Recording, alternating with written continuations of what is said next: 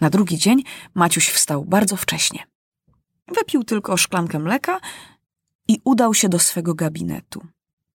Lekcji nie miał i czytał listy do samego obiadu. Był tak zmęczony, jak po ciężkim marszu wojennym albo po podróży na pustyni. I kiedy głodny bardzo myślał o obiedzie, wszedł do gabinetu sekretarz stanu, a za nim czterech ludzi. Dzisiejsza korespondencja do waszej królewskiej mości, powiedział sekretarz. Maciusiowi się zdawało, że sekretarz stanu się uśmiechnął. I to go tak rozgniewało, że tupnął nogą i krzyknął. Co jest do stu ludożerców i krokodyli? Czy pan chce, żebym oślepł zupełnie? Przecież takiego worka listów żaden król nie może przeczytać. Jak pan śmie żartować z króla? Ja pana do więzienia wsadzę. Ale im Maciuś krzyczał więcej, tem więcej rozumiał, że nie ma słuszności.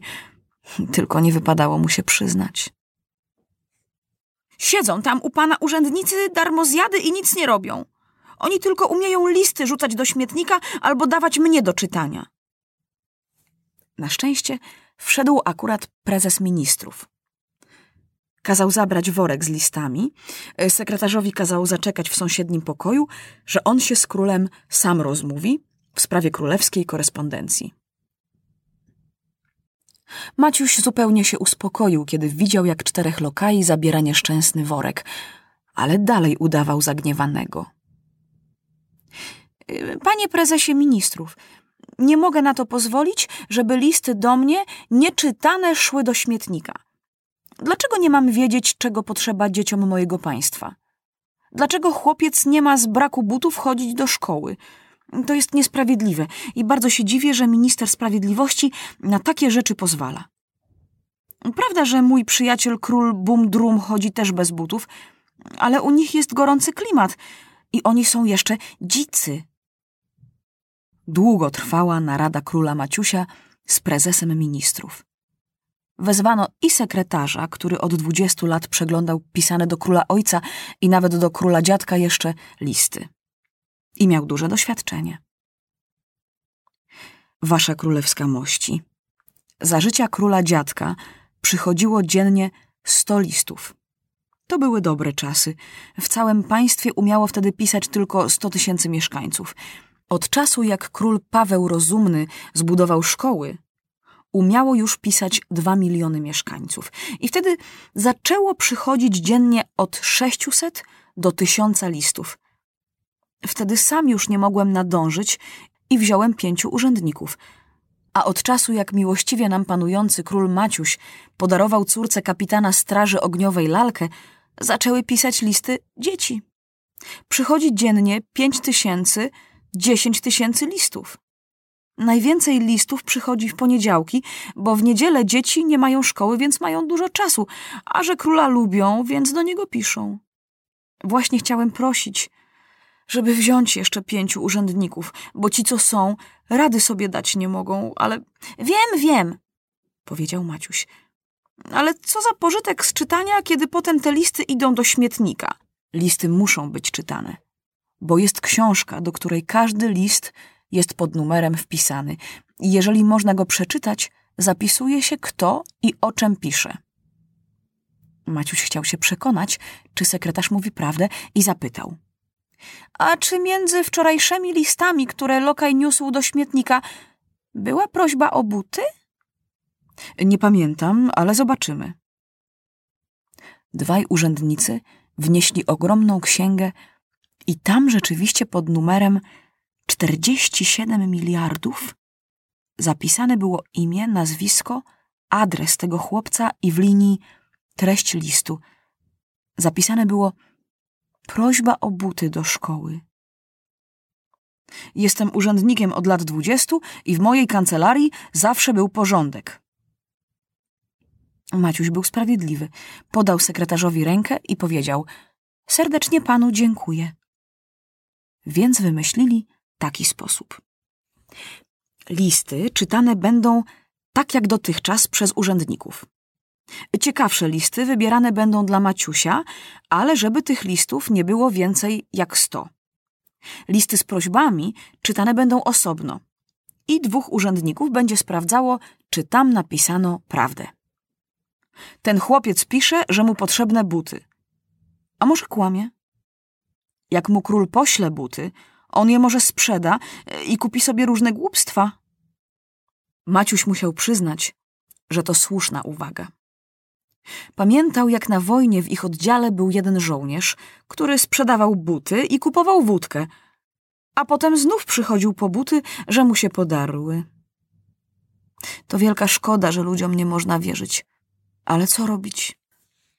Można jeszcze i tak zrobić, że jak urzędnicy sprawdzą, że to prawda, królewska kancelaria pośle po dziecko i ono przyjdzie na audiencję i wasza królewska mość sam będzie dawał, o co ono prosiło.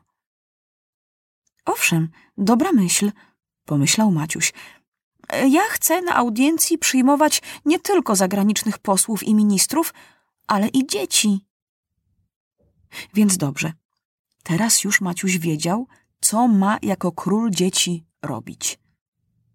Rano będzie miał lekcję do dwunastej.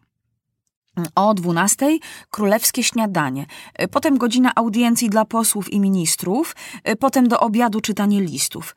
Po obiedzie audiencja dla dzieci, potem posiedzenie z ministrami, aż do kolacji, a potem spać. Kiedy już plan dnia został ułożony, Maciusiowi się smutno zrobiło. Przecież ani godzinki nie miał na zabawę. A no trudno, jest królem, chociaż mały jeszcze, a król musi dbać nie o siebie, a o wszystkich. Może później trochę, jak już wszystkim da, co im potrzebne, będzie miał Maciuś i dla siebie jakąś godzinę dziennie. Zresztą podróżowałem. Byłem na tylu zabawach, byłem miesiąc nad morzem, byłem w kraju ludożerców. Teraz mogę się już nie bawić, a wziąć się do pracy królewskiej. Jak postanowiono, tak i zrobiono. Rano uczył się Maciuś. Potem czytano mu listy. Czytał urzędnik bardzo prędko, a że siedzieć na miejscu tak długo było Maciusiowi trudno, więc słuchał, chodząc po gabinecie, z założonymi w tył rękami. Doktor poradził, że jak jest ciepło i ładna pogoda, żeby czytanie listów odbywało się w królewskim ogrodzie. I tak naprawdę było przyjemniej. Audiencje były bardzo liczne. Przychodzili zagraniczni posłowie pytać się, kiedy król Maciuś zbierze pierwszy parlament, bo chcą przyjechać i zobaczyć, jak naród zacznie rządzić. Albo przychodzili ministrowie z fabrykantami, którzy mieli zbudować huśtawki i karuzele w całym państwie, żeby zapytać się, jak król chce, żeby to było zrobione. To znów przyjeżdżali z całego świata różni dzicy ludzie, że ich królowie chcą żyć w przyjaźni z królem Maciusiem. Jeżeli król Maciuś przyjaźni się z Bumdrumem, królem ludożerców, to pewnie i nimi nie pogardzi, bo chociaż dzicy, ale już przestali zjadać ludzi. U nas już od trzydziestu lat nie zjadają ludzi, mówi jeden. U nas ostatniego człowieka zjedzono czterdzieści lat temu.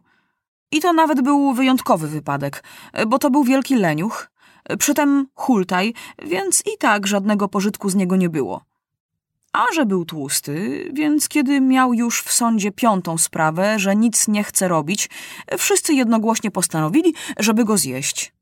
Król Maciuś był już teraz ostrożniejszy. Sam nic nie obiecywał, kazał wszystko zapisywać, co oni mówili i mówił, żeby przyszli po odpowiedź za tydzień, bo musi się poradzić z ministrem spraw zagranicznych, że w ogóle to wszystko zobaczy się dopiero na posiedzeniu ministrów. Audiencja dzieci była bardzo przyjemna. Wpuszczano po kolei do sali tronowej chłopców i dziewczynki i Maciuś dawał im, o co go w listach prosili. Każde dziecko miało swój numer i paczka, która była przygotowana, miała taki sam numer. Bo nikogo nie wpuszczano na audiencję, dopóki urzędnik nie sprawdził, że to, o co prosi, naprawdę mu jest potrzebne.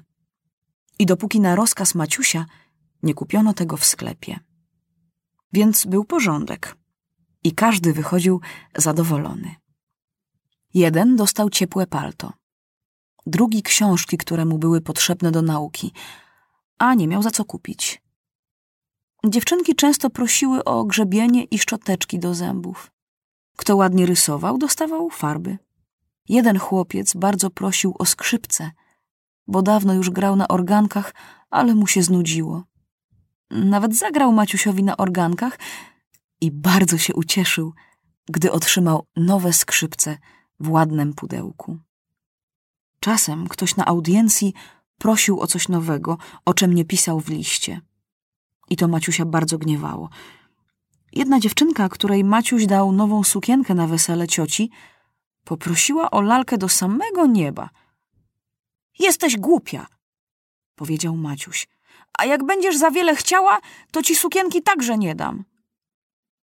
W ogóle Maciuś był już teraz doświadczonym królem i omamić go nie było tak łatwo jak dawniej.